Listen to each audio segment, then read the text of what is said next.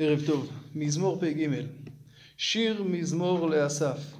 אלוהים אל דומי לך, אל תחרש ואל תשקוט אל. כי הנה אויביך יהמיון ומשנאיך נשאו ראש. על עמך יערימו סוד ויתייעצו על צפוניך. הריבונו של עולם אל תשקוט אלא תצא לעזרתנו. מדוע? כי האויבים נאספים, הומים, מתכננים, מרימים ראש ורוצים לצאת למלחמה כנגד ישראל. מה תוכניתם? אמרו לכו ונכחידם מגוי ולא ייזכר שם ישראל עוד. כי נועצו לב יחדיו עליך ברית יכרותו. כלומר התוכנית המעשית שלהם היא להחריד שם ישראל חלילה אבל בעצם זה לא מלחמה כנגד ישראל, אלא עליך ברית יכרותו. כיצד זו מלחמה כנגד השם? אפשר להבין את זה בשני אופנים. אחד, הקדוש ברוך הוא מגן על עם ישראל, אז אם אתה יוצא כנגד ישראל בלי לפחד מריבונו של עולם, אתה בעצם יוצא כנגדו.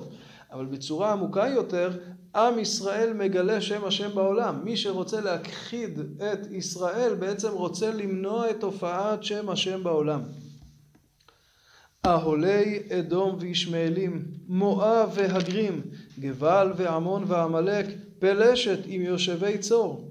גם אשור נלווה עמם, היו זרוע לבני לוט סלע. יש פה קואליציה של עמים שמקיפים את ישראל מכל כיוון, מצפון, ממזרח, מדרום, ממערב, וגם אשור הרחוקים, גם הם נלווים אל כל השכנים, וכולם ביחד מתאספים ורוצים לעלות על ישראל. ולכן התפילה היא, עשה להם כמדיין, כסיסרא חייבין בנחל קישון. נשמדו ואין דור, היו דומן לאדמה. שיתמו נדיבמו כעורב וכזאב, וכזבח וכצלמונע כל נסיכמו. עשה להם ריבונו של עולם כמו שעשית למדיין בימי גדעון, ולסיסרא בימי דבורה וברק, שנשמדו והיו דומן לאדמה. דומן זה זבל שמזבל את האדמה. שיהיו כעורב וכזאב, זבח צלמונה, שרי ומלכי מדיין. אשר אמרו, נירשה לנו את נאות אלוהים. מי אמר את זה? יש שמסבירים את זה על האויב הנוכחי כרגע, ויש שמסבירים את זה על המלחמה על סיסרא ומדיין. הם אלו שאמרו נרשע את נאות אלוקים. בין כך ובין כך תשמיד גם אותם. אלוהי שיתמוך הגלגל כקש לפני רוח. גלגל זה הקוץ, העגול הזה מלמעלה, כמו שהקוצים הללו עפים ברוח, כך תעיף אותם לפניך. כאש תבער יער, וכלהבה תלהט הרים. כן תרדפם בשעריך ובסופתך תבהלם. מלא פניהם קלון, ויבקשו שמך אדוני. יבושו ויבהלו עד עד ויחפרו ויאבדו, וידעו כי אתה שמך אדוני לבדיך, עליון על כל הארץ. החלק הראשון של המזמור, אם כן, מציג את האויב, את קואליציית האויב, את התוכנית, את זממו, והחלק השני, כל כולו תפילה לריבונו של עולם, שיעשה להם כפי שעשה בזמנו בימי גדעון ובימי דבורה. מדוע דווקא שני אלו מוזכרים? אז בפשטות היה ניכר שהקדוש ברוך הוא הושיע. אתם זוכרים מלחמת גדעון שיוצאים עם 300 לוחמים, מצמצמים את הצבא בכוונה שתהיה ניכרת יד השם. אצל דבורה כתוב ויהום השם את מחנה סיסרא, נחל קישון גרפם. כלומר היה ניכר שריבונו של עולם פועל פה. בשני המקרים גם הייתה מהומה, הייתה מהומה במחנה מדיין והייתה מהומה ויהום השם את מחנה סיסרא. כנגד האויב פה שהכתוב תיאר כי הנה אויביך יהמיון, כן, הם הומים לצאת כנגדם, אז תעשה להם כפי שעשית אז בעבר. אבל אם נתבונן היטב נראה שהתכלית בסוף זה לא להשמיד אותם, אלא זה להביא אותם בסופו של דבר להכרה של שמו של הקדוש ברוך הוא. אם הם יצאו כנגד ריבונו של עולם, עליך ברית יכרותו, רצו להכחיד שם ישראל ממילא שם השם, הרי המטרה בסוף זה שיבקשו שמך השם, שידעו כי אתה שמך השם לבדיך עליון על כל הארץ. יש שהסבירו שהמלחמה הזאתי, המזמור הזה, מתייחס למלחמת יהושפט. אגב, ראינו שהסבירו ככה גם בפרק, במזמור הקודם, ואולי לכן שניהם נסמכו. במלחמת יהושפט, בדברי הימים ב' בפרק כ', נזכרים שמה מספר עמים שחברו יחד, עמון, מואב, שעיר, ארם, אמנם יש כאלה שמוזכרים פה ולא שם, אבל יש עוד כל מיני גויים, הם היו המרכזיים והם נלוו עמם.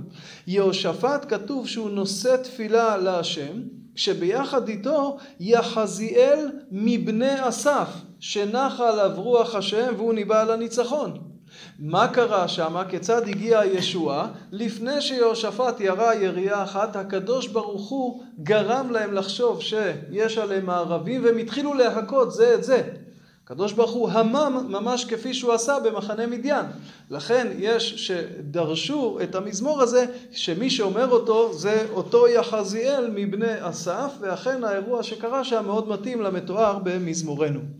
בין כך ובין כך, התיאור הזה של קואליציה של עמים שנמצאת מסביב לעם ישראל ורוצה להשמיד אותו, ומצטרף אליהם גם איזה עם מרחוק, כן, ממסופוטמיה, מהאזור של איראן ועיראק, אפשר לייחס את זה גם לימים אחרים, אפילו כאלו הקרובים עלינו, בוודאי שהתפילה הזאת, שידעו שמך השם, ניכרת ורלוונטית היום יותר מתמיד, ולכן המזמור הזה באמת זה מזמור שאנחנו אומרים אותו בימי זיכרון, אומרים אותו ביום השואה, אומרים אותו לפעמים בחלק מהצומות, כן, המזמור הזה היה רלוונטי, נשאר רלוונטי, ובעזרת השם יתקיים מה שנאמר בסופו, שידעו כולם את שם השם. המזמור הזה מסיים את הקובץ של המזמורים המיוחסים לאסף, ואולי זו הזדמנות קצת לרענן את השאלה מי חיבר את מזמורי התהילים ומתי הם נאמרו. הזכרנו בתחילה ואני חוזר על שלוש גישות מרכזיות. קודם כל אסף, אסף הוא משורר שנזכר בימי דוד, ו... ואם כן, אפשרות אחת שהזכירו חז"ל זה שדוד חיבר ספרו על ידי עשרה זקנים. כלומר יש עשרה מחברים לספר התהילים כשדוד כל המזמורים היו לפניו והוא זה שערך אותם. דעה אחרת בחז"ל וכך בספרי בית שני, בן סירה ועוד זה שדוד חיבר הכל. מה שכתוב לאסף זה הכל דוד חיבר. הוא הקדיש את זה לאסף או הוא חיבר את זה בשמו של אסף אבל הכל דוד חיבר.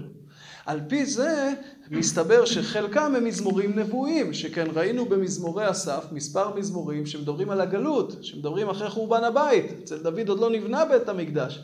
אז צריך לומר שזה נאמר ברוח הקודש, כלומר ברוח הנבואה ראה מה שעתיד להיות, ושרתה עליו ההשראה ורוח הקודש והוא מחבר את המזמור כאילו הוא נמצא שם. אבל יש דעה שלישית, האבן עזרא מביא אותה בהקדמה, המלבים הולך בכיוון הזה, שבאמת דוד חיבר רבים ממזמורי התהילים, אבל המזמורים המשיכו להיכתב גם בדורות המאוחרים עד תחילת ימי בית שני. ובאמת, כאשר נקרא את על נערות בבל, שם ישבנו גם בכינו, אז זה מזמור שנתחבר על ידי אחד מגולי בבל. דוד הוא זה שהמציא את הז'אנר, כן? דוד הוא זה שהביא את המזמורים, את הצורה הזאת של שירה, תהילה לריבונו של עולם, ובעקבותיו קמו אחרים שאמרו, ובסופו של דבר, בתחילת ימי בית שני, זה נתקבץ ביחד לספר התהילים. ייתכן ששני הספרים הראשונים, דוד ערך אותם לגמרי, כי ראינו שכמעט כולם הם מזמורי דוד עד המזמור האחרון שמסתיים בקולו תפילות דוד בן ישי. והספרים הנוספים נתחברו, נלקטו, נערכו אה, מאוחר יותר. הספר השלישי שבו אנחנו עסוקים, רובו ככולו, כפי שהזכרנו, מזמורי בני לוי, סיימנו את מזמורי אסף, אנחנו עוברים, עוברים לבני קורח, מקביל לחומש השלישי, חומש ויקרא, שהוא תורת כהנים. ערב טוב.